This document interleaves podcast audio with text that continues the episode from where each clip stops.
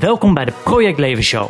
Een podcast over peak performance, lifestyle, biohacking, training, crossfit, diëten en supplementen, quantified self, nootropics, duursport, apps, gadgets, flow, singularity, spiritualiteit, technologie, smart drugs, wearables, ijszwemmen, seks en nog veel meer. Hier is je host, biohacker en menselijk proefkonijn. Bekend van onder meer BNN-VARA, RTL 5, BNR Nieuwsradio, Mens Health, Trouw, Volkskrant, Tegenlicht, Nieuw Business Radio, De Correspondent en Runners World. Peter Joosten. In deze podcast praat ik met Sarai Pannenkoek. Sarai is sportdiëtiste en ze begeleidt een aantal topsporters en ploegen. En ze schreef het boek Eet als een atleet. Show kun je vinden op projectleven.nl slash sarai-pannenkoek. We gaan het in dit gesprek hebben over sportvoeding en diëten. Bijvoorbeeld, wat moet je eten als je duursporter bent? Hoe werkt het met koolhydraten stapelen? Maar ook als je krachtsport doet, wanneer moet je eten en wat moet je eten? We gaan het ook hebben over duurzaamheid en spiritualiteit. Dus dat is een heel divers gesprek. Voordat we beginnen, nog een paar mededelingen. Ga naar projectleven.nl slash podcast voor een overzicht van alle podcastinterviews. Luister je deze aflevering in je favoriete podcast app, vergeet je dan niet te abonneren op de Project Show. Wil je niets missen van de Project Show, ga dan naar www.projectleven.nl. Als je dat doet, blijf je ook op de hoogte van mijn persoonlijke experimenten, de artikelen die ik schrijf, de vlogs en video's die ik opneem en de biohacking en quantified self meetups die ik organiseer. Je kan je daar ook abonneren op mijn nieuwsbrief en een gratis cheat sheet downloaden. Tot slot vind je er de links naar al mijn social media kanalen, zoals Instagram, Facebook en YouTube. Ga naar pto's.net als je meer wil weten over de lezingen, presentaties en workshops die ik geef en het advieswerk wat ik doe als het gaat om quantified self, biohacking en de impact van nieuwe technologie op de mens, het bedrijfsleven, instellingen en organisaties, de overheid en de maatschappij. Het maken van deze podcast vind ik echt fantastisch om te doen. En jij, jij kan ook je steentje bijdragen aan de Project. Ga daarvoor naar patreon.com slash projectleven. En daar kun je kiezen voor hoeveel euro per maand je de Project Show steunt. En dat kan al vanaf 1 euro per maand. In ruil daarvoor krijg je leuke achtergrondverhalen en anekdotes over het maken van een podcast. Vandaag in de Project Show te gast uh, Sarai Pannenkoek. Sarai, wie ben jij? Uh, ja, ik ben, ik ben Sarai Pannenkoek en ik uh, ben sportdiëtist. Ik ben ook klinisch epidemioloog. En in het dagelijks leven werk ik dus met ja, talentvolle sporters, topsporters iedereen die uh, ja, zoveel mogelijk uit zijn prestatie wil halen. En wat is een klinisch epidemioloog? Klinisch epidemioloog, dat is de, de officiële ja, titel die ik mag dragen. Ik heb een master gedaan in Evidence-Based Practice. dat is aan AMC, UvA heb ik dat gedaan. En um, een klinisch epidemioloog is iemand die dus heel veel van onderzoek af weet. Dus um, op grote schaal onderzoek kan doen, maar ook die onderzoeken ja, zo goed mogelijk kan vormgeven, zodat de conclusie ook heel betrouwbaar is. Um, en ja, vaak zijn het dus epidemiologische studies. Ja. Uh, studies waarbij je dus vooral observeert en kijkt, uh, verbanden legt. En daarin zijn causale verbanden ehm, ja, niet altijd vanzelfsprekend. Nee. Dus moet je het heel goed, ja, heel goed eigenlijk aanpakken om te zorgen dat de verbanden die je vindt, dat die daadwerkelijk ook dat zijn. Ja. En uh, niet zoals we het noemen uh, bias of confounding, maar juist echt uh, ja, goede verbanden. Ja, ja. Oh, interessant. Ja. En we gaan het zo meteen hebben specifiek over sport, sportvoeding, sportdiëtiek. Ja. Maar waarover ben je gepassioneerd, maar dat andere mensen dat eigenlijk niet weten? Ja, superleuke vraag. Oké, okay, uh, ja, heel veel mensen weten het niet, maar ik ben echt gepassioneerd over vliegtuigen en vrachtwagens en schepen. en alleen, ik denk alleen uh, dat mijn partner en ja, mijn familie en hele goede vrienden dit weten, maar ja, ik, uh, ik, ik hou gewoon van vliegtuigen. Ja. en ik weet ook echt superveel van vliegtuigen, vliegvelden. Um, ik weet ook heel veel van vrachtwagens. Ja, ik vind dat zo tof om te zien dat een mens zoiets heeft gecreëerd en ja, dat we daar gewoon gebruik mogen maken. Gewoon, uh, ja, weet je, vrachtwagens gebruiken we indirect eigenlijk dagelijks. Want ze transporteren ons voedsel, ze transporteren zoveel meer ja, goederen natuurlijk. Dus ehm, ja, daar ben ik heel erg gepassioneerd over. Ja, leuk. Die heb ik ook nog niet eerder gehoord. Nee. Maar ik heb, de, ik heb die tik, tik, als ik het tik mag noemen. Ja. Ik heb zo'n app op de, met de telefoon, Flight Radar. Ja. En uh, mijn vriendin kijkt me soms ook raar aan. Maar ik vind het heel erg leuk om daar af en toe gewoon naar te kijken. Dus ik heb dan meer op... Niet dat ik per se allerlei vliegtuigtypes weet en zo. Oh, maar ja. ik... Uh, ja, is, ja, is ook super tof. Ja. ja, wij wonen natuurlijk in de buurt van Schiphol. Dus als de landingsbaan hierachter open ligt, dan... Uh, ja, in het begin was ik gewoon flabbergasted. Dan uh, kreeg Paul me eigenlijk niet weg bij het raam. Omdat ik het zo tof vond om zoveel vliegtuigen te zien opstijgen. Dus uh, ja, en dat is iets wat mensen niet weten. Ik ben natuurlijk ook heel gepassioneerd over het leven. En ik doe veel met ademwerk, spiritualiteit. Maar dat weten de meeste mensen wel. Ja. Dit is echt een soort van klein geheim. Maar ja, niet meer. Nu niet meer, nee. nee. En uh, je noemde net al uh, mensen helpen om alles uit het leven te halen. Uh, wat heb jij met de term peak performance? Ja, peak performance is voor mij dat een persoon werkt naar ja, echt een, een, een prestatie waarin hij vooral zijn eigen grenzen verlegt. Dus daar doe je vaak al wat voorwerk voor. Dus dat noemen we dan in de sport de voorbereidingsfase natuurlijk. En dat een sporter dan echt werkt naar dat ene moment waarop die echt, waarop eigenlijk alles samenkomt. Waaraan hij heeft gewerkt. Dus een stukje mentaal, een stu stukje natuurlijk ook fysiek, training, herstel. Eigenlijk alles om te zorgen dat op dat ene moment dat hij het beste uit dat moment kan halen. Wel afgezet tegen zijn eerdere eigen prestaties. Ja. ja. Dat is voor mij peak performance. En daar draag ik heel graag aan bij, omdat hè, de voorbereidingsfase in het, is in het, nou, het gebied van voeding heel belangrijk. Maar zeker ook de voorbereiding richting zo'n peak performance en de peak performance zelf. Um, ja, daar kan je met voeding gewoon heel veel invloed op uitoefenen. Ja, ja. En hoe, is je, hoe heb je, jij je ontwikkeld tot waar je nu bent? Had je gelijk al heel veel interesse in sport en in voeding? Of een van beide? Of helemaal niet? Ja, zo kan, ja, ja. Ik, uh, ik heb toen als allereerst heb ik Pabo gedaan. En na de Pabo dacht ik van ja, ik ben super jong. Uh, en toen ging ik naar Amerika. En in Amerika kwam ik echt in aanmerking met een cursus, een soort van uh, minor-achtig iets. Uh, dat heet Essentials of Physical Fitness. En daarin gingen we eigenlijk zowel met fitness aan de slag als ook echt dat voedingsstuk. En ik vond dat zo tof.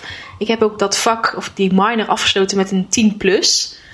Uh, omdat ik, ja, ik vond dat zo interessant en ik, ja, ik leerde daar zoveel van. En toen kwam ik terug uit Amerika en toen dacht ik, uh, ja, ik moet hier iets mee.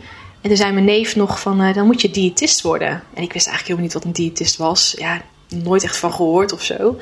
En toen ging ik het googlen en toen dacht ik, aha, dan moet ik blijkbaar sportdiëtist worden. Want dat is een diëtist die echt ja, zich heeft verdiept in de wereld van sportvoeding. Dus toen ben ik in 2008 teruggekomen, meteen voeding en diëtiek gaan studeren aan de Han in Nijmegen. En de laatste anderhalf jaar waren toen voor mij echt dat ik dacht: wow, dit is sportvoeding. Dus ik deed minor in sport, afstuderen in sport, stage in sport. Met echt als doel: ik wil topsportdiëtist worden. En dat is nu vijf jaar geleden dat ik ben afgestudeerd. Ik heb een post-HBO gedaan in sportdiëtiek. En ik heb dus die master gedaan waar ik het net al over had. En ja, zo ben ik eigenlijk gekomen tot waar ik nu ben. Ja. Ja. En je begeleidt een heleboel atleten en uh, je hebt samen met een paar collega's ook een boek geschreven, Eet als een atleet. Ja. En waarom heb je daartoe besloten? Ja, Eet als een atleet is eigenlijk het, uh, ja, zusje of het broertje, net hoe je het wilt zien, van uh, Eet als een expert. En uh, Eet als een atleet is eigenlijk voortgekomen omdat we, we misten eigenlijk letterlijk een boek zoals dit boek. Dus je hebt uh, in de wereld van sportvoeding heb je of de soort van suffe tekstboekachtige boeken waarin heel veel informatie staat, maar het niet praktisch wordt. Uh, of je hebt juist uh, ja, de, de kookboeken die we kennen, of de kookboeken van bekende sporters, waarin we dan eigenlijk weer dat stukje goede wetenschap misten. En omdat we dat zelf misten, ja, kwam bij ons echt het idee op van, nou dan moet het maar zelf gaan schrijven. En zo is eigenlijk ja, Eten en Atleet ontstaan. En het is niet voortgekomen uit een soort van frustratie dat er veel misvattingen zijn over voeding? Uh, niet per se als een frustratie. Nee, het is meer dat we de, de wereld van, in sportvoeding. Uh, je hebt die wetenschappelijke onderzoeken die super, super tof zijn om te lezen. Maar ook dat moet je kunnen. Dus in sportvoeding is het heel vaak lastig om echt een goede brug te slaan tussen de wetenschap en de praktijk. En dat hebben we dus ook geprobeerd in dat boek ja, te, bewer te bewerkstelligen. We hebben recepten ontwikkeld die echt voldoen aan de wetenschap. Uh, maar ook um, uh, hebben we persona's. Dus er zijn tien fictieve persona's die in het boek uh, rondlopen. Dus dan kan je echt kijken van oké, okay, dit is de theorie. Hoe doet crossfitter Boas het dan in de praktijk? Of hoe doet vegetarische zwemster Feline het in de praktijk? Dus dan wordt het nog praktischer. Ehm, ja, dan wordt die taaienkost wat praktischer. Ja, Ja. ja. En als we het over misvatting hebben, wat denk jij wat de grootste misvatting is als het gaat om gezonde voeding? Eh, als het gaat om gezonde voeding, denk ik ehm, dat een hele grote misvatting is dat mensen denken dat er één voedingspatroon geschikt is voor iedereen. En dat is dan echt over gezonde voeding. Vaak, eh, ja, ik zie het dagelijks voorbij komen dat er weer een, een ja, be- bepaald sportvoedingspatroon wat voor iemand heel goed werkt, dat die ook meteen wordt geadviseerd voor elk ander mens. En nou ja, wij weten dat het niet zo is. Er zijn heel veel goede voedings- voedingspatronen. eh, en ik denk dat het aan iemand zelf is om te ontdekken welke past dan het best bij jou. En Ja. dat dat ook gedurende je leven kan veranderen. Ja. En is er iets waar jij over van mening bent veranderd in de afgelopen vijf tot tien jaar? Ehm, nou ja, dit is wel echt, eh, ja, dit is wel echt waar ik van ben veranderd. Ik ben natuurlijk opgevoed vanuit eh, de opleiding en met de schrijf van vijf. En dat is op zich een goede basis om in ieder geval te weten waarop dat is gebaseerd. En de gezondheidsraad. Ehm, maar waar ik de afgelopen tijd in wel echt in ben veranderd is het stukje zuivel. Dus ik denk niet dat zuivel voor iedereen noodzakelijk is. En dat had ik eerst wel, omdat ik dacht, nou ja, Nederlanders, een, toch een zuivelland. eh, we eten te weinig groenten. Dus zuivel kan wel voorzien in onze calciumbehoeften. Maar aan de andere kant denk ik dat het geen vrijbrief is om dan maar klakkeloos elke dag superveel zuivel te nuttigen. Terwijl we weten dat daar de, ja, de voedselafdruk dat is heel groot. Er is heel veel water bij betrokken. En, nou goed, ehm, eh, en, en ook als je het voedingstechnisch gewoon bekijkt, heb je niet per se zuivel nodig. Je kan het ook makkelijk met andere producten vormgeven. Maar dan moet daar wel de aandacht op, op gericht worden. Het, is, het kan niet zo zijn dat je in één keer zuivel schrapt en nog steeds te weinig groente eet en geen goede vervanger ervoor hebt. Maar dat is iets waar ik wel steeds, ja, ja wel echt van gedachten over ben veranderd. Ja. En denk je ook dat er een eh, misvatting over jou heerst? Ja, een misvatting die over mij heerst is, denk ik, en ik kan het natuurlijk niet, ik kan het, dat weet ik natuurlijk niet, maar ik denk, eh, er zijn eigenlijk twee. Enerzijds dat denk ik echt dat mensen denken, het klinkt zo raar dat ik dat denk, maar dat mensen denken dat ik dus nooit eh, ehm, snoep of iets, iets eet, eh, iets zoets. Nee. Eh, ik weet, mijn sporters die, die, die denken echt dat ik alleen maar eh, ja, super gezond eet. Wat ik wel doe voor 80, 90 procent van mijn hele voeding.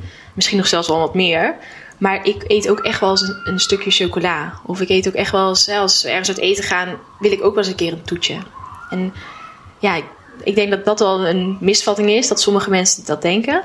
Eh, en ik denk ook dat het een misvatting is dat mensen denken dat ik strikt veganist ben. Ehm, en daardoor ja, dat is eigenlijk een misvatting, want ik, ben, ik wil nooit in zo'n hokje geplaatst worden. Ik denk dat ik dat het meest vervelende vind. Ik eet Ja. wel plantaardig voor 99,9 procent. Ehm, maar ik wil gewoon niet in het hokje van veganist worden gestopt. En ik, Wil je überhaupt in een hokje worden nee, gestopt? Nee. niet. Nee. En ik denk dat, dat veganistisch een reden kan zijn voor mensen om mij in een hokje te stoppen. Terwijl ik dat liever niet heb. Nee. Dus ik denk dat dat ook een misvatting is. En dat een misvatting is dat ik alleen maar plantaardig zou eten. Wat ik dus wel voor het grootste gedeelte doe. Maar eh, op sommige momenten, als ik dat voel dat ik dat niet hoef te doen, dan eet ik heel bewust wel iets dierlijks. Ja, Ja, met die gedachtegang. Ja. Ja. En ehm, ehm, wat voor type sporters begeleid je nu? Wat voor disciplines? Ja. ja, ik begeleid ontzettend veel sporters. Ehm, ik begeleid nu eh, honkbal, softbal. Softbal zijn dus de dames, honkbal de heren. Ehm, ik begeleid dames basketbal, talentenprogramma, dames voetbal, talentenprogramma en dames rugby sevens, talentenprogramma. Eh, zwemmers in Eindhoven, talentenprogramma. Judoka's, eh, enkele heren vanuit autosport. Dat zijn eigenlijk ook de talentvolle ja, Nederlandse jongens die, eh, ja, die al super goed, mooie resultaten halen. Opvolgers van Max Verstappen. Ja, ja. ja. letterlijk. Ja. En, ehm, en dan verschillende disciplines hoor in het autosport.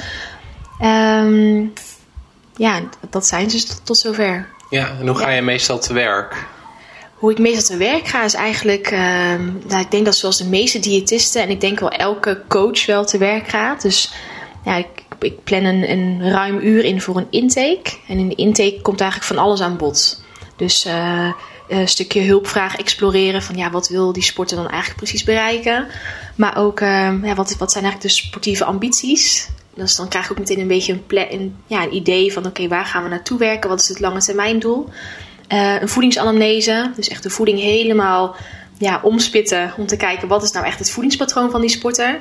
Uh, waar zitten ook misschien de knelpunten? En doe je dat, uh, sorry dat ik je onderbreek, op basis van een vragenlijst? Want ik heb ook wel eens gehoord dat ze op Papendaal, dat de atleten daar pasjes hebben. Ja. En dat dan wordt bijgehouden als ze naar de Albert Heijn daar gaan, wat ze allemaal kopen, zeg maar. Ja, ja op Papendaal hebben ze een supermooi systeem. Dat is eigenlijk een, eh, een pasjesysteem waarin ze de sporters die pak kunnen in het restaurant daar, dus het topsportrestaurant daar, alle maaltijden. Daar kunnen ze gewoon voor kiezen. Uh, gezonde producten, minder gezonde producten. En ze betalen... geen alarm af. Nee, nee, nee. nee en dan uh, betalen ze met het pasje. En dat komt eigenlijk meteen in hun eigen app. Dus de sportdiëtist daar, een goede collega van mij, die kan uh, ja, door middel van, uh, van die app eigenlijk ook meteen feedback geven. En vaak wordt het dan ook verwerkt in workshops. Dat ze ook echt actief gaan kijken van ja, hoeveel gram eiwit had je nou bij de lunch? Uh, hoeveel gram koolhydraat had je vlak voor je training? En dat is echt een heel handig tool. Nou, ik heb dat helaas niet. En, um, maar ik heb dus wel een intake. vaak houden sporters bij mij een checklist bij. Dat is eigenlijk een soort van ja, checklist waarmee je kan kijken wat het voedingspatroon is. Um, en ik vraag dus de voeding daarnaast nog na. Ik heb altijd wel gewerkt met voedingsdagboekjes en soms ook een app bijhouden. Maar dat verschilt per sporter. Sommige talentvolle sporters die houden daar niet van om de app bij te houden. Dus dan vraag ik, heb ik meer tijd gereserveerd echt voor het gesprek zelf. Uh, en andere sporters die werken al heel lang met een app en dan bespreken we de app. Dat is ook prima. Maar dat hangt dus een beetje van af. Dat is niet echt één manier waarop ik toepas. Uh, en soms heb ik een aanmelding ja, voor de volgende dag. En dan kan ik geen voedingsdagboek meer laten bijhouden. En dan is het gewoon een heel goed uh, uitgebreid gesprek. Um, en ik doe een bewegingsanamnese. Dus om echt te kijken hoe, wat zijn de trainingen, hoe vaak trainen ze, hoe intensief. Zodat ik echt een heel goed plaatje kan vormen van oké, dit is de sporter. En nou, sporter X wil daar naartoe, naar een bepaald punt. Nou, met de voeding kunnen we het dan zo verder gaan verbeteren. En nou ja, op basis daarvan geef ik educatie. Dus ik vertel wat, hè, wat zie ik, wat zijn de knelpunten. Ik geef wat praktische tips. En dan uh, gaat de sporter naar huis met een aantal challenges. Dus echt uitdagingen die ze dan voor een aantal weken echt aangaan. Dus echt een bepaald focusgebied met uitdagingen om het echt heel praktisch te maken. Ja, ja. ja. En merk, um, want dat vind ik zelf heel interessant. Ook um, werk je ook met sporters zoals judoka's die uh, op een gegeven moment uh, in één dag vijf kilo moeten verliezen of zo? Is dat ook een challenge? Of, ja, uh... heb ik in het verleden heel veel mee gewerkt. dat is de afgelopen tijd wel wat afgenomen, omdat ik zoveel andere teamsporten eigenlijk onder me ja. heb. Um, in het verleden heb ik daar wel mee gewerkt, maar ik heb daar altijd wel mijn eigen grens in aangegeven. Dus soms waren er sporters, uh, MMA-vechters bijvoorbeeld, die uh, in, een, uh, in een week ja, ruim 5 kilo nog moesten afvallen. En dan gaf ik wel aan, nou ja, ik kan dit voor je betekenen. Het zal waarschijnlijk niet de 5 kilo halen. Um, maar dan hadden ze vaak wel input van trainers en andere mensen. Maar ik hielp ze wel met het herstel. Dus zodra ze het weegmoment hadden gehad, lag er vanuit mij een heel schema, elk kwartier, wat ze moesten eten. Dus ik wilde wel bijdragen aan het herstel. Maar soms, ja, als, als een sporter 10 kilo moet verliezen in de laatste 7 dagen. met een uh, soort waterdieet. Ja, ik, ga, ik, wil, ik, ja, ik vind dat gewoon nog te, te risky. Ja. Dat er intern zoveel dingen ook fout kunnen gaan. Dus daarin geef ik wel heel goed mijn grenzen in aan. En ik ben vaak wel wat meer voor het lange termijn uh, perspectief. Dus uh, zo'n nou, zo, zo'n sporter die zou ik nog wel een keer kunnen zien in mijn praktijk. Maar dan zouden we en zorgen dat hij misschien maar 3 à 4 kilo moet verliezen in die laatste week. En dat wordt dan voornamelijk op vocht, bijvoorbeeld. Ja, ja. En voorbeelden, andere voorbeelden van challenges zijn zoveel gram eiwitten per dag of zo? Ja, dat kan. Als iemand werkt met een app, dan zou dat een hele praktische challenge zijn. Um, ik heb bij de heel veel talentenprogramma's zag ik dat ze in de basisvoeding al een beetje uh, nou ja, te weinig groente aten, te weinig pulvruchten, nou, van alles en nog wat. Dan maak ik hele basale challenges daarop. Ja. Uh, bijvoorbeeld uh, om ze wat meer groente te laten eten. Dus dit is een hele bekende, denk ik hoor. Um, had ik voorgesteld van nou, dan moeten we wat meer, lunch bij de, of meer groente bij de lunch integreren. Zodat ze s'avonds genoeg hebben aan 150 gram groente. Of 100 gram zelfs. Want dat aten ze gemiddeld. Ja. En toen was een challenge van nou ja, als je je brood belegt met hartig beleg. Minimaal drie kleuren, waarvan één kleur een groente. Oh, oké. ja. Dus dan gingen ze daarop focussen. En die challenge werd uitgebreid. Want op een gegeven moment gingen sporters met elkaar uh, uitdagingen aan. En nou, dan gingen we ze twee of drie uh, kleuren groenten op het brood doen. Ja, dat is, brengt in theorie niks, draagt niks bij meteen aan de prestaties. Maar het zorgt er wel voor dat ze in de basis voldoende groente binnenkrijgen. Ja. En dat, doe je dan, hè, dat deed ik dan bij talentenprogramma's, omdat die echt nog ja, verder moeten leren over die basisvoeding en dat meer moeten integreren. En dat zijn dan simple rules die ze dan gewoon mee kunnen nemen. Ja. En of ze dan daar doorstromen naar een nationaal programma of uiteindelijk uitstromen, dan weten ze nog steeds wel wat goede voeding is. Ja. Ja. En ik ben de laatste tijd veel meer me gaan verdiepen in, eh, in DNA en genetica. En het er gebeurt nu ook heel veel rondom genetische modificatie. Ehm, en daarvan denk ik ook wel eens van, je, je hebt echt mensen die hebben gewoon aangeboren talent. Zoals Max Verstappen bijvoorbeeld. Ehm, en ik lees nu, ik heb het boek eh, Open van Andre Agassi gelezen. Die man had zoveel talent, maar die at ook hamburgers en die dronk bier. En die won daarmee nog, eh, zeg maar, allerlei Grand Slams. Dus ik vroeg me wel af, de eh, vraag die ik nu me denk, van hoe bepalend is voeding eigenlijk voor, eh, ja, voor een topsporter? Ja, nou, als je super, super veel talent hebt, dan zal het waarschijnlijk inderdaad minder bepalend zijn. Ja. Als in, dan kun je gewoon nog heel lang teren op het talent dat je hebt. Ik denk als je de voeding zou optimaliseren, dat er misschien zelfs nog meer uitgehaald kan worden. Ja. Eh, maar sommige sporters die hebben sowieso talent. En ik denk dat eh, heel veel sporters die eh, in, in talentprogramma's zitten, die hebben talent. En ja, die moeten eigenlijk op bepaalde vlakken toch wel aan zichzelf werken. Om uiteindelijk wel van al die talenten er bovenuit te komen. Ja, er Ja. bovenuit te steken. Ja. En dan kan voeding wel bijdragen. Ja. En dat is natuurlijk wel ook sportspecifiek. Ik denk dat je in een teamsport is het heel belangrijk dat alle spelers goed eten. Maar dan zul je minder snel het effect van je eigen interventie zien. Van je eigen voedingsinterventie als sporter zijnde. Dan wanneer je een individuele sp- eh, eh, sporter hebt. En een zwemmer zal veel sneller worden afgerekend op eh, hetgeen hij of zij wel doet in de voeding. Of juist niet doet. Omdat het een individuele sport is. Dus je ziet meteen de tijden die er staan. En in een teamsport is het anders. Ja. Dan ben je toch als team verantwoordelijk voor de score. Ja, en het is, nu zit ik me ook te bedenken wat jij net zei over. eh, ik probeer wat dingen aan elkaar te linken die misschien niet bij elkaar horen. Maar je zegt ook van over dat, eh, dat kutten voor, voor, ehm, voor een bepaald gewicht. Dat heeft ook effect op, nadelig effect waarschijnlijk op de langere termijn. Maar ik denk inderdaad ook als je bij wijze van het, het voedingspatroon van Roger Federer vergelijkt met Andre Agassi, dat Federer zeg maar nu op zijn leeftijd nog zo enorm goed kan presteren, dat het misschien wel mee heeft te maken dat hij ook eh, op zijn voeding let. Dus dat Ja. je juist op latere leeftijd daar weer meer profijt van Ja, hebt. ja en, en dat sowieso. Dat sowieso. Kijk, uiteindelijk, eh, het lichaam kent natuurlijk geen onderscheid in eh, waar, waar de calorie vandaan komt. Dan is dan, en die calorie is dan in dat opzicht eigenlijk een calorie. Dus als je dan energiebehoefte, als die matcht aan de energiegebruik, ja, gebruik, dan is het goed. Of je energieinname aan die energiegebruik. Maar ik denk zeker op lange termijn. En ook al bij verschillende talenten zie ik het ook wel hoor. Dat die wel op een gegeven moment, ja, ehm, omdat ze gewoon lang ongezond hebben gegeten, dat komt wel een keer terug. En dat zie je wel een keer, wat zij in de prestatie of in de gezondheid, fitheid. Ergens komt het wel een keer weer terug. Dus het is ook echt een goede investering om verstandig met je voeding om te gaan. Ja, En dat is dus ook dat stukje eh, ja, korte termijn en lange termijn denken. ja. Ja. En is er nu een reden dat jij eh, meer teamsporten begeleidt? Vind je het leuker of zit daar je specialiteit of is het toeval? Toeval. Ja, dat is eigenlijk toeval. Ik heb, eh, dat is eigenlijk gewoon waar ik nu werk. En eh, ik moet zeggen, ik vind het wel heel leuk. Het is heel uitdagend om ook echt bezig te zijn met die teamdynamica die dan heerst.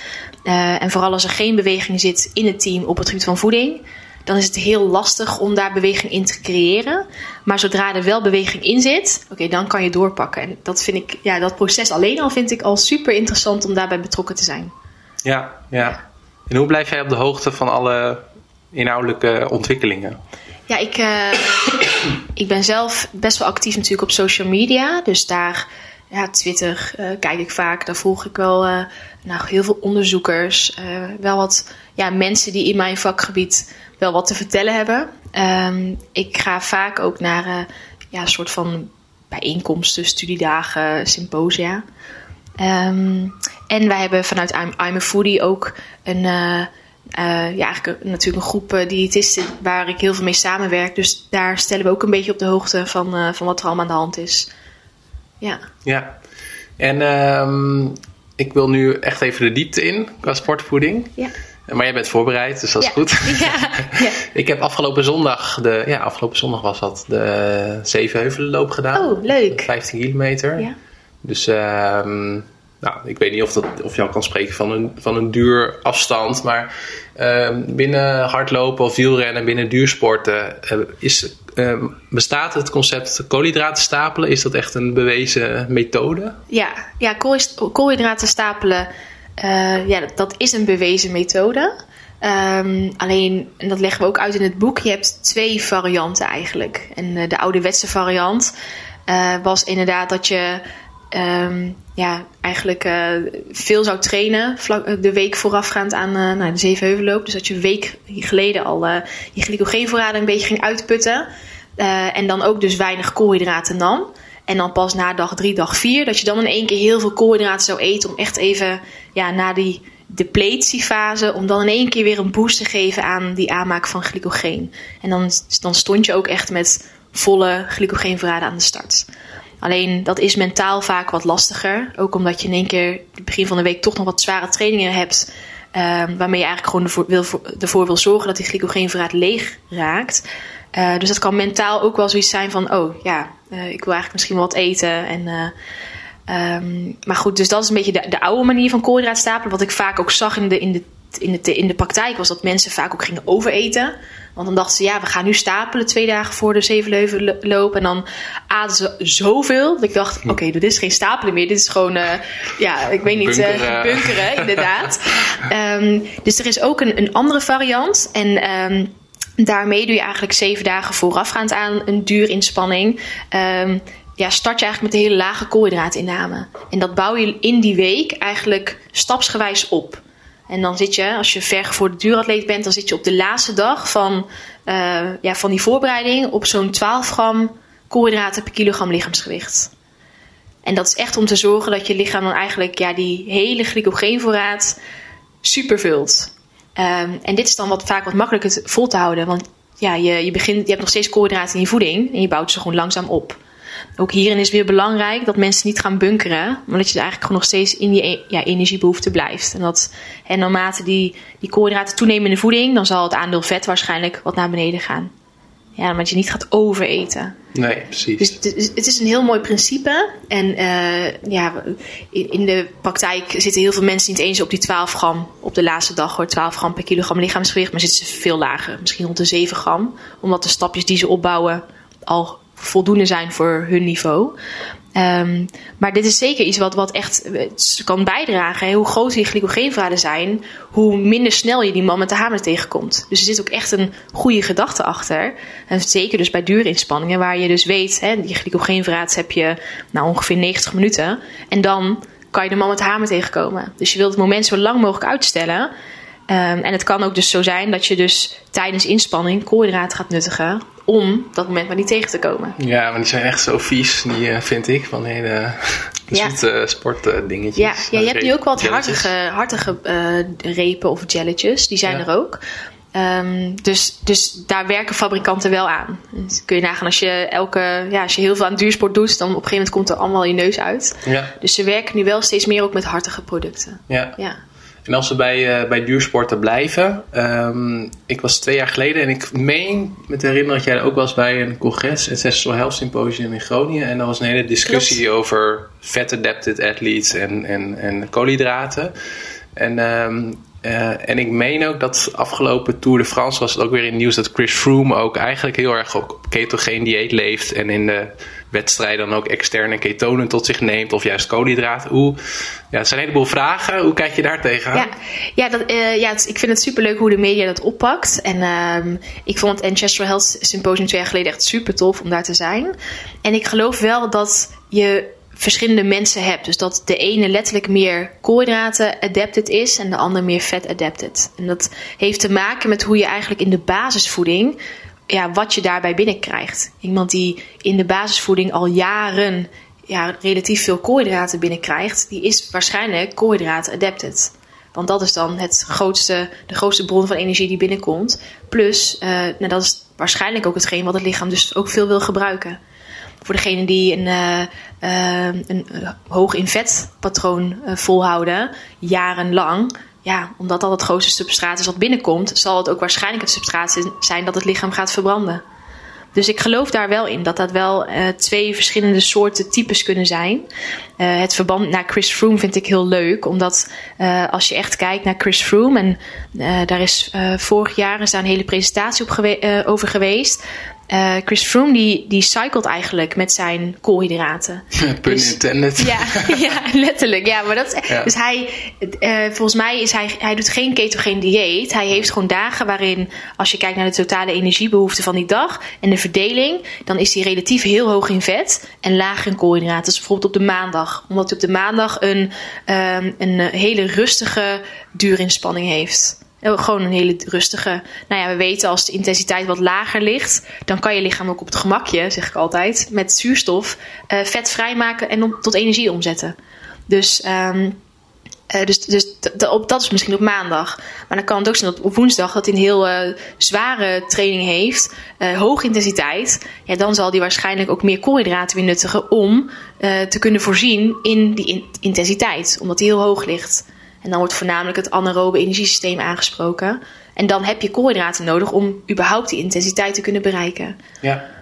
Um, dus dat, dat, hele verhaal van dat Chris Froome ketogeen uh, dieet zou doen, is niet waar. Want hij, ja, hij cycelt dus met de, de, de inname van zijn koolhydraten. Ja. En ook het hele verhaal van de ketonen, dat, dat blijft ook nog steeds een mysterie. Ja, het, ja. het zou kunnen in theorie. Praktijk is de vraag wat, wat ben je gewend? Hè? Welk substraat is jouw lichaam gewend om om te zetten tot energie?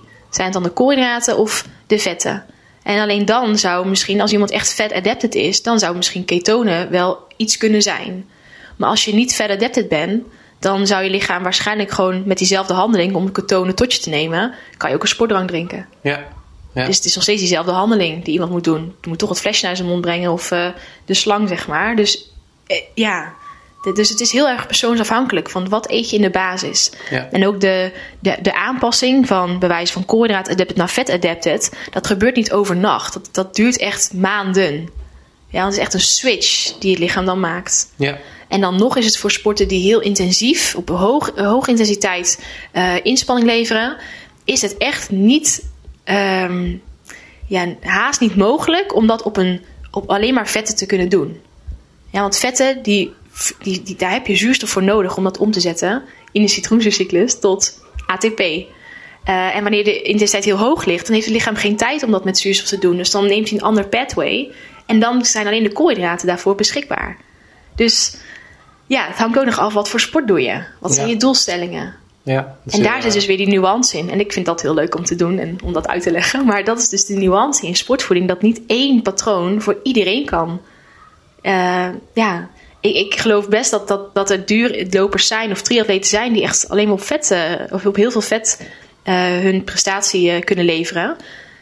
maar ik geloof ook dat er ook heel veel andere sporten zijn die dat niet hebben, die gewoon koolhydraten nodig hebben. Nou, dat is prima. Ja, je noemde net al sportdrank. Uh, rond de Tour de France was ook volgens mij het afgelopen jaar in het nieuws dat heel veel uh, uh, wielrenners aan de bietenstap gingen. Ja. is dat dan ook wat, wat jou dan wordt gevraagd, bijvoorbeeld in, in de week nadat het in het nieuws komt door jouw atleten? Van hé, hey, Sarai, ik wil ook bietensap. Ja, ja bietenstap is al, ehm, ik denk zo'n zes jaar al een, in ieder geval onder sportdiëtisten heel bekend. Um, het, het, stofje nitraat is ook werkzaam, wordt ook werkzaam geacht. Dus het zorgt er net voor dat je lichaam efficiënter om kan gaan met de zuurstof. Dus, um, en nitraat zit dus in bietensap. En je kan dan een liter bietensap kopen in de winkel. Maar je kan ook shotjes bietensap uh, tot je nemen. Uh, en dat werkt gewoon ook dat is weer kijken, wat is iemand gewend? Uh, en vlak voor een hele belangrijke wedstrijd zou ik niet zeggen van... hé, uh, hey, hier heb je nog even een shotje bietensap. Want er zit ook heel veel vezels in, dus het kan ook maag-darmklachten geven. Dus dat is iets wat je eigenlijk in de voorbereidingsfase met de sporter gaat bespreken. Uh, mocht het relevant zijn voor die tak van sport, dan kan hij het gaan uitproberen. en ook daarin verschilt ook nog het stukje ja, stofje nitraat, hoeveelheid verschilt ook nog van waar komt dan het product? Zijn de, ja, waar zijn de bieten geteeld? In welk seizoen? Uh, dat is, ja, nitraat is natuurlijk een stofje dat gewoon in de grond zit.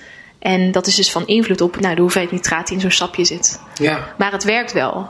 Dus het is wel echt een, uh, ja, een mooie, mooi product eigenlijk. Ja, ja. ja, en een goede sportdrank als je het op de juiste manier uh, gebruikt en eraan gewend bent. Ja, ja en het is dus wel echt een sportdrank om de prestatie te verbeteren. En het is niet een sportdrank die je drinkt tijdens inspanning. Wat zou je dan aanraden? Dus tijdens inspanning zou ik ofwel water, afhankelijk van hoe lang de inspanning duurt. Dus stel de inspanning duurt, nou wat zullen we zeggen, 75 minuten en het is normaal weer, zoals hier in Nederland. Het is niet heel warm, het is gewoon normaal weer.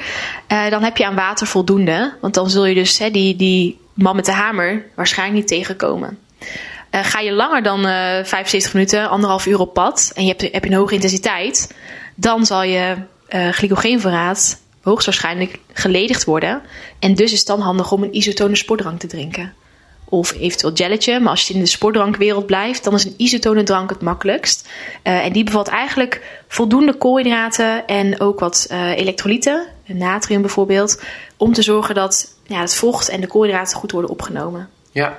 En uh, nou, ik praat heel vaak uh, over de deeltjes. Dat is eigenlijk gewoon de osmolariteit. Uh, maar eigenlijk heeft zo'n isotone sportdrank dezelfde hoeveelheid deeltjes, tussen haakjes deeltjes, als je bloed. En vandaar dat het dus heel makkelijk wordt opgenomen als je dat tijdens inspanning drinkt.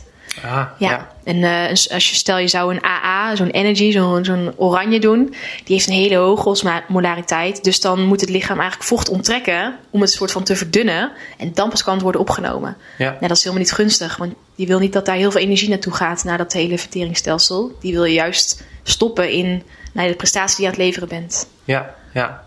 En van duursporters naar krachtsporters. Um, wat zou jij in algemene zin adviseren voor. Moet je, moet je voor of na de training eten? En hoeveel gram eiwitten? Ja, uh, dus dat is best wel afhankelijk van um, uh, hoe lang je krachttraining doet, hoe getraind je al bent. Um, uh, maar vooral ook echt de, duur.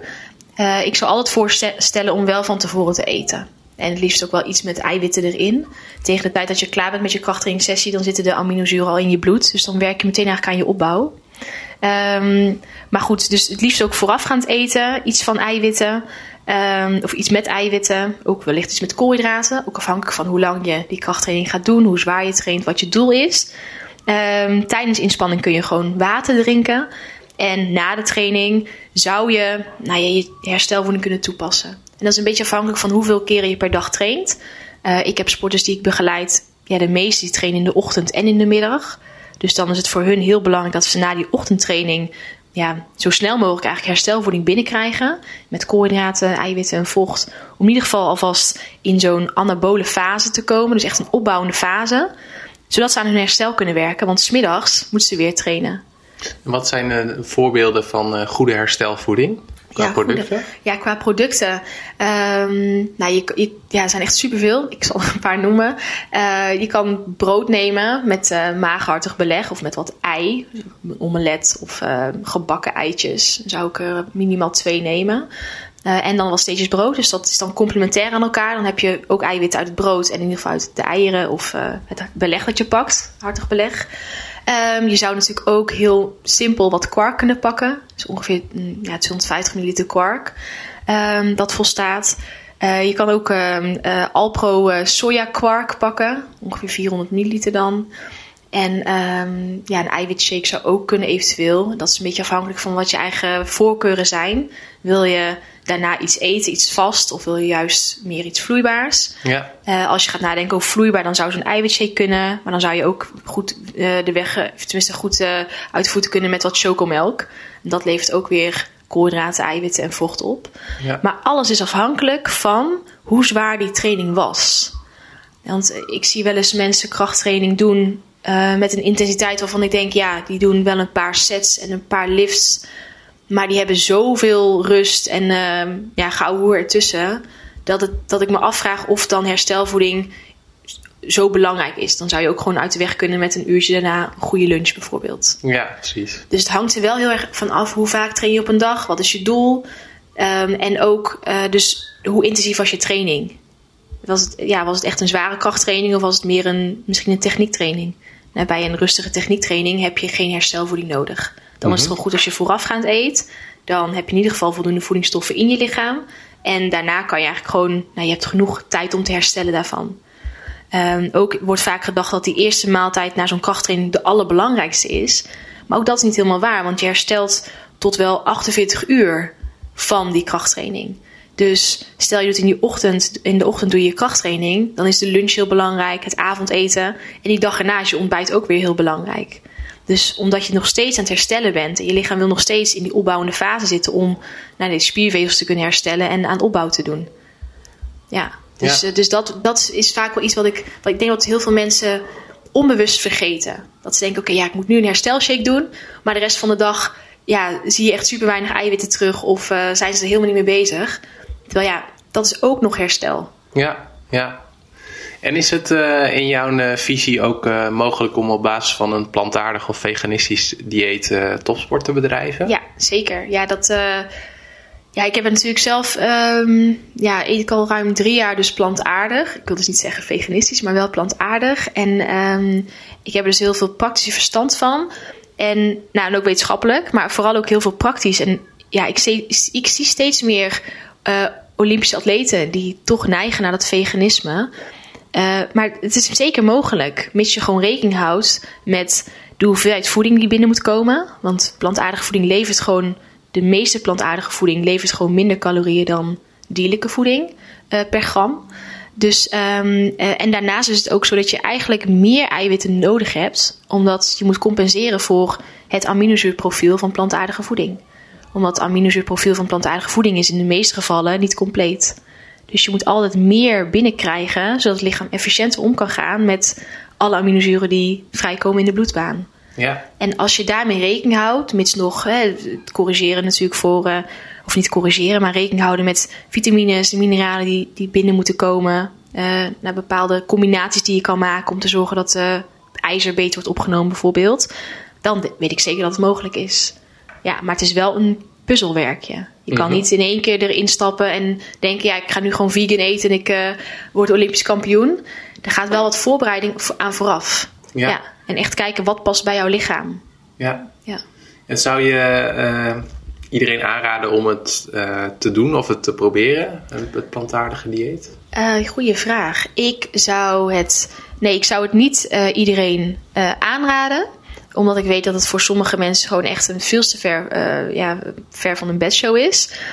Maar ik zou ze daar wel in willen uitdagen. Al is het gewoon een keer een dag plantaardig eten. Om even te kijken, waar loop je dan tegenaan? Weet je, welke gewoontes heb je waarvan je niet bewust was dat, het, dat er dierlijke producten in zaten? Dus ik zou het meer als een soort van uitdaging uh, ja, willen zien. Van ja, daag jezelf daarin, in, daarin uit. Um, en ook bij sporters. Hè, de sporters die altijd kwark eten het is heel leuk om daarin eens te zeggen van oké, je mag geen uh, zuivel eten als herstel. Probeer eens iets anders te kiezen. En zo kun je dus ook wel werken naar iets plantaardigs. Maar dat is echt afhankelijk van waar staat die sporter eigenlijk en nou ja, wat, wat wil die zelf daarin. Ja. Maar ik zou het dus niet iedereen aanraden, maar wel um, ja, laten proberen. Ja, ik denk dat het wel goed is. Ik denk dat we, uiteindelijk gaan we daar toch naartoe, naar meer plantaardig eten. We kunnen er niet meer omheen. Dus ja, you better be prepared now, zeg ik dan maar liever. Dus dan kun je maar beter nu uh, alvast meer uh, pulvruchten leren eten. Uh, op een gegeven moment moeten we daar toch met z'n allen naartoe. Dus, ja. ja. Ja, ik vind het heel interessant. Ehm, er zijn hele uitgesproken meningen over. Ik heb bijvoorbeeld ook Ton Leenders geïnterviewd. Die is bijvoorbeeld kracht- en voedingscoach van Sven Kramer. Die is heel uitgesproken. Die zegt van uh, als je veganistisch eet, dan uh, kun je geen topsport doen volgens hem. Heeft dat te maken met blessures en mentale belastbaarheid. Maar ik ben het wel, ik heb het zelf ook een maand geprobeerd en ik sport niet op zo'n hoog niveau en voor mij ging het prima. Maar ik was wel benieuwd, en ik ga met mijn vraag de hele andere kant op. Maar ik was afgelopen maandag en dinsdag op een congres en daar was Mark Post, professor aan de Maastricht Universiteit en die is bezig met kweekvlees. Ja. Als er kweekvlees is, zou jij dat dan wel willen? uh, eten? Ik hè? Ja. Oh, dat is een goede. Is, is, het zeg maar afhankelijk van uh, het dierenleed of, of, of een andere ja, reden dat je... Ja, dit is echt... Ja, dit, ik, um, ik zou wel geïnteresseerd zijn in kweekvlees. Maar meer omdat ik het dan heel tof vind zelf een beetje als die vliegtuigen, dat mensen dat kunnen doen. Dat ik dan denk, wow, dat is vet. Maar inderdaad, ja, ik eet plantaardig omdat ik het niet eens ben met um, dierenwelzijn hier in Nederland. Of in ieder geval de vee-industrie hier in Nederland. Daar ben ik het niet mee eens. En um, uh, dus daarom eet ik het eigenlijk niet. En ik, ik, denk echt wel dat ik een keer naar een boer zou kunnen gaan om te kijken waar dat vlees vandaan komt en het, daar ook het gesprek over aangaan. Maar ik denk dat ja, kweekvis zou misschien een mooie optie kunnen zijn voor al die diehard vleesetende mensen. Uh, om, ja, weet je, we moeten uiteindelijk toch na gaan denken over het milieu en over het klimaat. Dat, dat echt heel erg verandert. Dus ik denk dat dat misschien een goede oplossing zou zijn. Maar volgens mij kost het wel heel veel kweekvlees. Of wat ik laatst Ja, klopt. Ja. hij, uh, ik heb hem geïnterviewd. Het zal binnenkort ook op mijn YouTube-kanaal zijn. En hij verwacht in 2021, dus over 4, 5 jaar, dat dan een hamburger van kweekvlees ongeveer 11 euro is. Oké, okay, ja. En dan uh, nou, misschien snel daarna nog goedkoper. Ja. Maar de, hij was in het nieuws, denk ik, 4, 5 jaar geleden. Want toen had hij een eerste hamburger en die kostte 250.000 dollar. Ja, precies. Ik weet ook echt wie het is. Ja, klopt. Ja. Oké, okay, ja. Ja, het is interessant. En weet je, het gaat ook echt echt hand in hand samen. Uh, de technologie hebben we eigenlijk ook nodig om te zorgen dat we, ja, dat we met nieuwe oplossingen komen om te werken aan die klimaatverandering. Ja. ja dus, dus, het is juist heel mooi dat die technologie er is. Ja, ja ik, ik ja, ik, uh, ik zou het wel willen proberen. Een interessante mindfuck. En die hoef jij niet te beantwoorden, maar wel aan de luisteraars om over na te denken. Is dat er ook iemand zei van als je dan kunstmatig vlees kan maken, waarom zou je dan ook niet mensenvlees gaan kweken? En zou je dat dan willen eten? Maar dat. Uh, oh ja. Ja. Mensen met een bijzondere smaak. Oké. Okay. Ik, ik, ik dacht dat mensenvlees dat dat niet zo lekker was ook. Nee, dat... Dus dat is wat ik heb gehoord. Als ik, ik, ken niemand die wel eens mensenvlees eet, maar dat is wat ik... Want dat, ik weet dat ik daar ook nog wel eens een keer... Eh, ja, volgens mij had dat vroeger wel eens gewoon zo'n vraag van... Huh, maar waarom eten we dan... Ja. Uh, als we dieren kunnen eten, waarom eten we dan geen mensen? Maar volgens mij was toen de reactie van... Ja, mensenvlees is gewoon echt niet, niet lekker. lekker. Nou ja, geen idee. Hm. Never tried it. Nee. nee. Nou, wie weet, als wij uh, oud genoeg zijn en uh, het is dan uh, overal beschikbaar en je kan dat dan ook bestellen. ja. we gaan weer de inhoud in. Zijn er supplementen die je eigenlijk aan iedereen aanraadt, of al je atleten? ja, ik adviseer in de, sowieso in de winterperiode vitamine D. D3. En dat is vaak wel op, op, op basis van labwaarden die we dan krijgen. Of die ik dan krijg van de sportarts. Uh, maar dat is iets wat ik ja, bijna aan iedereen wel aanraad, vitamine D. En dan op basis van nou, dezelfde labwaarden kan het zijn dat iemand uh, ook ijzertekort heeft. En dus uh, nou, met verrijkte voeding, ijzerverrijkte voeding aan de slag gaat. En of supplementen. Um, hetzelfde geldt ook bijvoorbeeld met creatine. Die adviseer ik ook heel vaak, maar niet voor iedereen. Dus er zijn wel veel supplementen die ik uh, ja, in mijn arsenaal om te, om te adviseren. Maar het hangt echt af van de sporter, eventueel labwaarde, het doel. Uh, nou, hoe zit het met de basisvoeding? Is dit dat eigenlijk al een beetje in orde? En dan ja, kan je met die supplementen vaak nog wel extra winst behalen. Ja, ja het is echt een vak als ik jou zo hoor. Ja. En je hebt ook een holistische aanpak, uh, las ik. Wat bedoel, bedoel je dat juist dat ermee? Of bedoel je ook andere dingen daarmee? Ja, ik, ik, ja een holistische aanpak, hoe ik het zie, is eigenlijk dat... Um, het lichaam en geest met elkaar verbonden zijn. Dus dat je het ook niet onlosmakelijk van elkaar kan zien. En mijn aanpak is daar dus ook heel erg op gestuurd. Dat, um, dat het dus niet alleen maar over voeding gaat, maar juist de impact van voeding op jouw eigen mentale welzijn. Maar ook uh, de impact van voeding op nou ja, hoe je over jezelf kan denken, hoe je jezelf ziet, uh, uh, hoe je prestaties kan zien. Dus het is veel meer dan alleen maar een voedingsadviesje uitschrijven. En nou, ik zie je over vier weken weer, doei. Het is veel meer kijken naar de persoon als geheel. En op basis daarvan keuzes maken in het behandelplan. Waar gaan we dan de focus op, op, op leggen? En uh, een stukje educatie erbij gaat, maar ook een stukje bewustwording die ik erbij geef bij alle sporters die ik begeleid. En de ene zal denken van, oké, nou dankjewel Sarai. En de ander die vindt het juist heel fijn, omdat hij daar zelf ook al mee bezig is. Maar ik probeer in mijn begeleiding ook heel veel zaadjes te planten. om ze na te laten denken over dingetjes. En dat kunnen hele grote onderwerpen zijn, maar dat is vaak niet. Vaak zijn het kleine dingetjes die ze doen. Dus eigenlijk bewust worden van hun eigen gedrag. Ja. Om dat weer te kunnen veranderen, bijvoorbeeld. Dus dat is meer de holistische aanpak. Dat ik kijk naar het grotere geheel van naar de persoon die tegenover me zit. Ja. ja.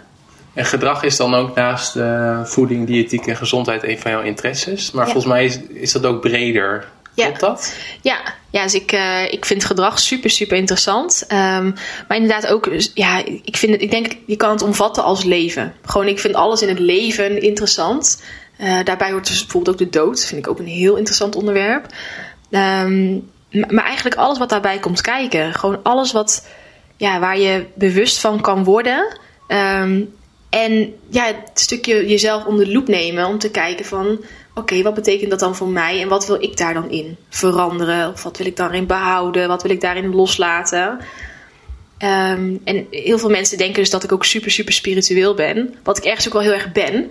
Maar ik ben ook enorm geaard. Dus het zit eigenlijk altijd daartussenin. En ik vind alles daartussenin super interessant. ja. ja. Ja.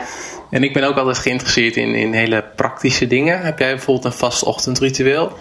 Ja, uh, nou, ik heb, ik, dat, gaat, dat komt en gaat met vlagen. Dus dat, dat, ben ik me echt dit jaar zo bewust van geworden dat, ja, ik noem het dan maar even de seizoenen, maar ik heb, ik heb fases. Dus echt, ja, het komt echt een beetje met, met de seizoenen. Um, dus vast ochtendritueel voor mij is vaak, nou ja, wakker worden, nog heel even blijven liggen, heel even voelen, gewoon even, ja, mijn lichaam even voelen, gewoon hoe, ja, hoe lig ik erbij of hoe zit ik erbij. Um, en dan uh, ga ik dus naar beneden en ga ik vaak thee zetten. En ik voel even of dat ik wil eten, ja of nee. Soms uh, merk ik gewoon dat ik zo weinig tijd heb, omdat ik dan nog mezelf wil klaarmaken of nog eventjes wat dingetjes wil doen en dan de deur uit moet, dat ik soms niet in die haast ook nog wil eten. Um, en soms voel ik ook dat mijn lichaam dat op dat moment ook niet wil. Dus dan neem ik wel eten mee en dan stel ik mijn ontbijt gewoon wat later uit. Dan eet ik pas rond 9 uur of zo.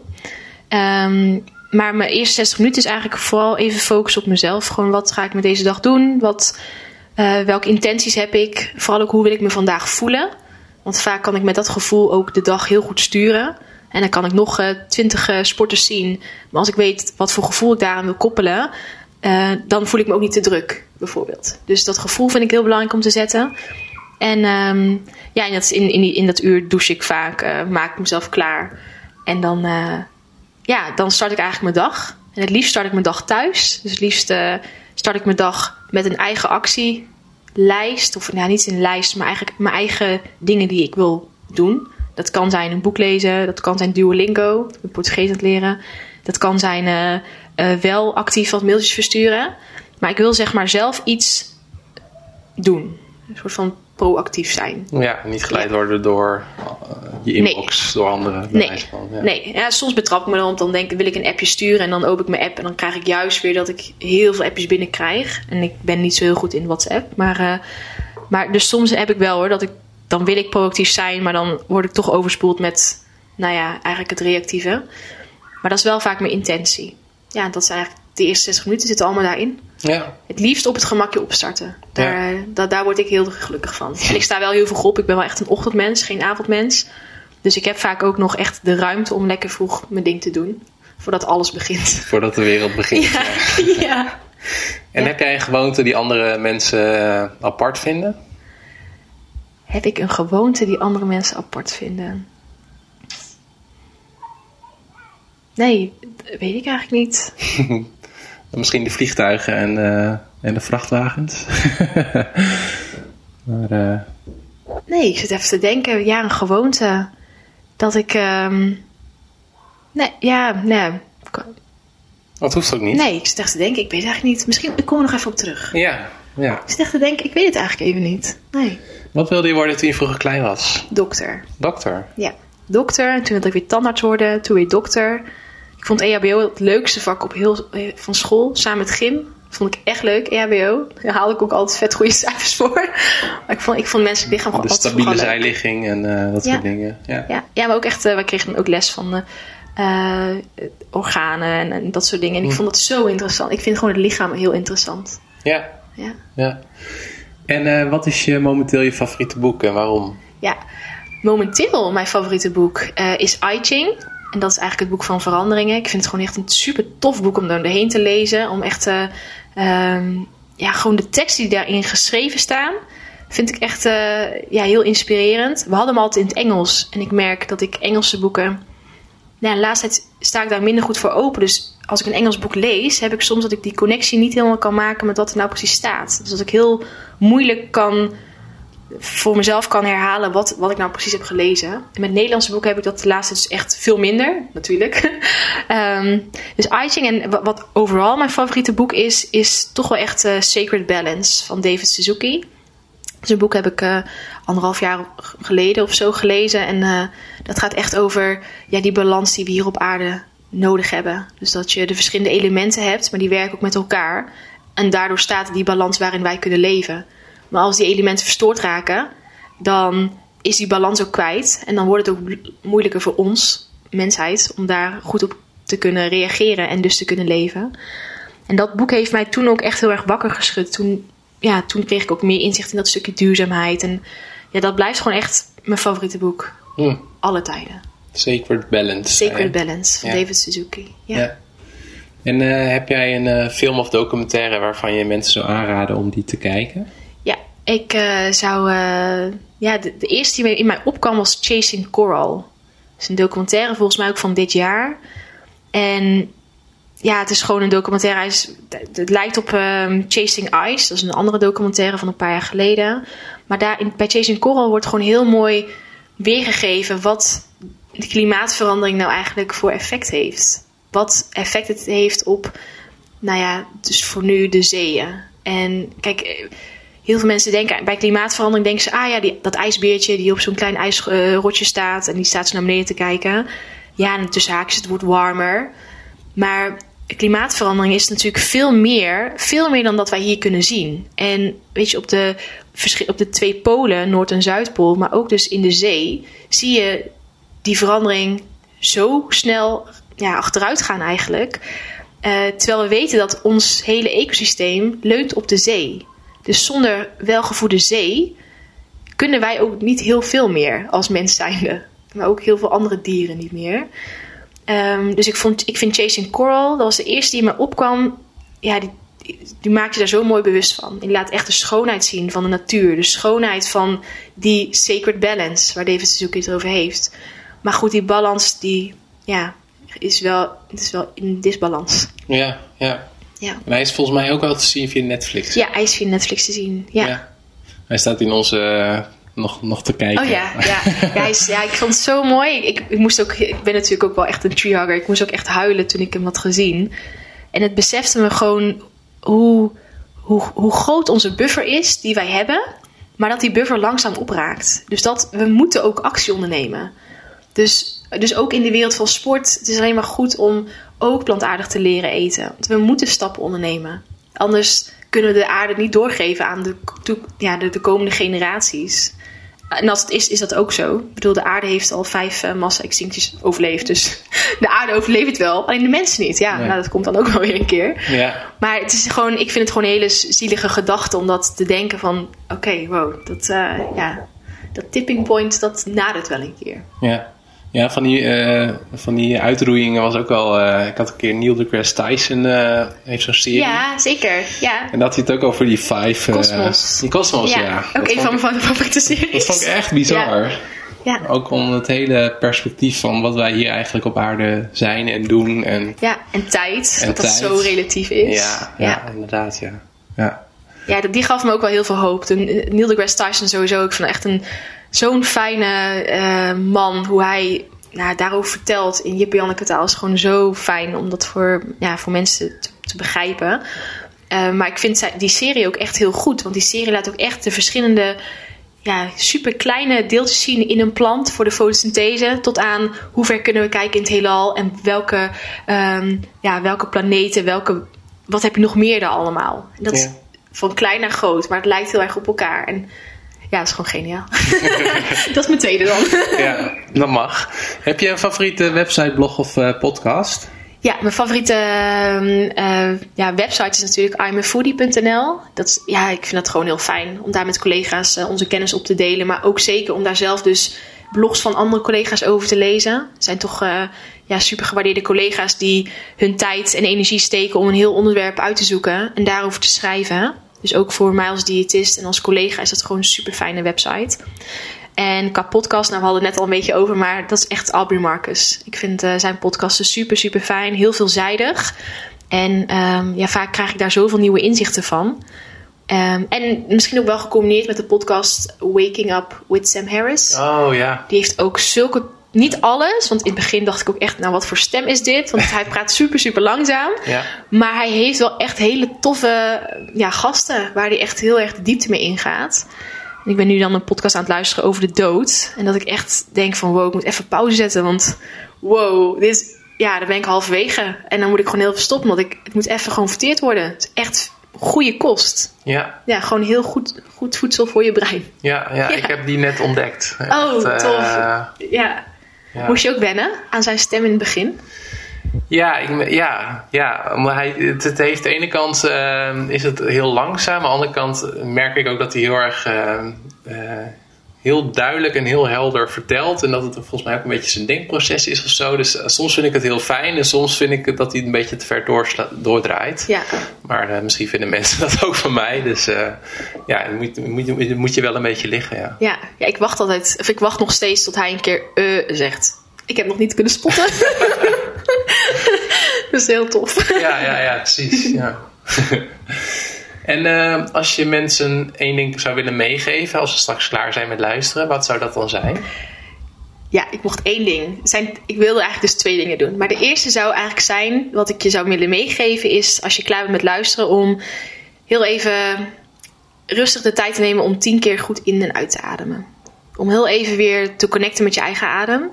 De adem is voor mij nu al uh, ja, zo'n twee jaar toch echt een heel belangrijk onderdeel geworden van mijn ja, dagelijks zijn dat is natuurlijk voor iedereen, want daarom leven we, dat snap ik.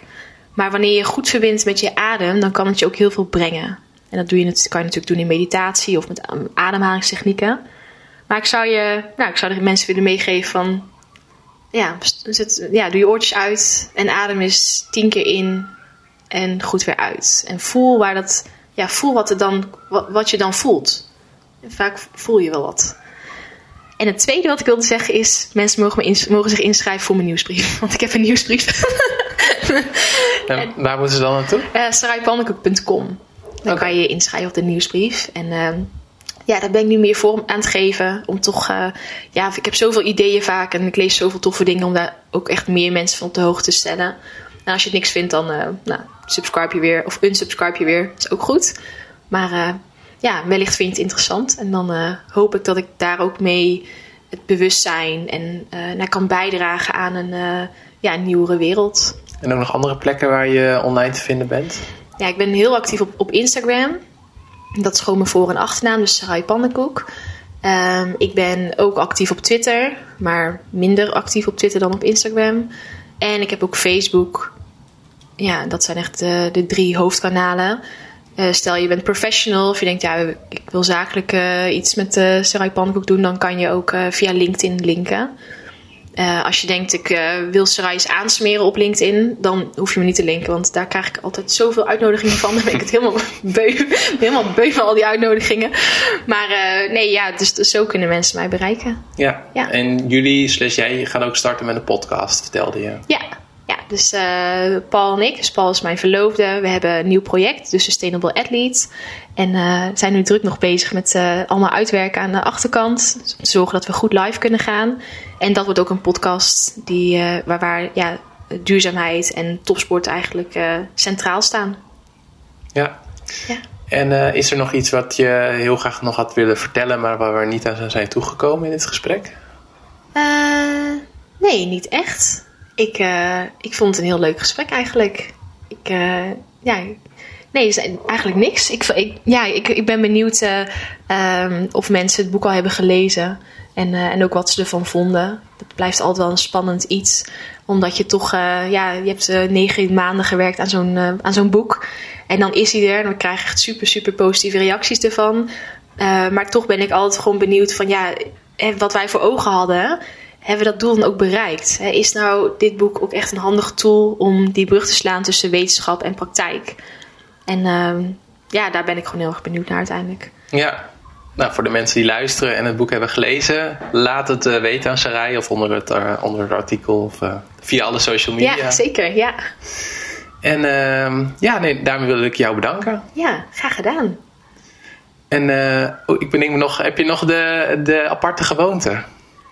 Heb je die nog bedacht? Wat gewoonte. Want... Ja, ik zit echt nog te denken. ik, ik, vind het wel echt een super, super leuke vraag. Um, nee, ik, ik, weet niet, misschien niet een aparte gewoonte, maar het is wel een gewoonte dat ik, uh, ik douche en ik uh, douche het laatste deel van mijn douche, van mijn warme douche, douche ik eigenlijk koud. Dat doe ik eigenlijk elke dag. En de, ik, heel veel mensen die ik ken die dit weten, vinden dat inderdaad wow, nee, dat kan ik echt niet. Uh, maar ook daarin uh, is het ook een kwestie van uh, gewoon proberen. En juist eigenlijk getting comfortable with the uncomfortable. Dus ja, dat is denk ik mijn aparte gewoonte. Dat ik graag ook koud douche. Ja, leuk. Ja. Is het ook apart? Ik weet het eigenlijk niet, maar... Het wordt steeds minder apart, maar het is nog wel apart. apart ja. ja. precies, ja. ja. ja. Nou, hartstikke goed. Dan nog een keer bedankt. Ja, jij ook bedankt. Bedankt voor het luisteren naar de Project Show. Vergeet je niet te abonneren op deze podcast. Wat ik leuk vind is als je een review of beoordeling achterlaat op iTunes. Ga naar projectleven.nl om op de hoogte te blijven van de podcast, de persoonlijke experimenten, vlogs en video's die ik maak en de meetups die ik organiseer. Je kan je daar ook abonneren op mijn nieuwsbrief en een gratis cheat sheet downloaden. Ga naar peterjoost.net als je meer wil weten over mijn advieswerk, lezingen, workshops en presentaties die ik geef. Ga naar patreon.com slash projectleven om te laten zien dat je een supporter bent van de Project Leven Show.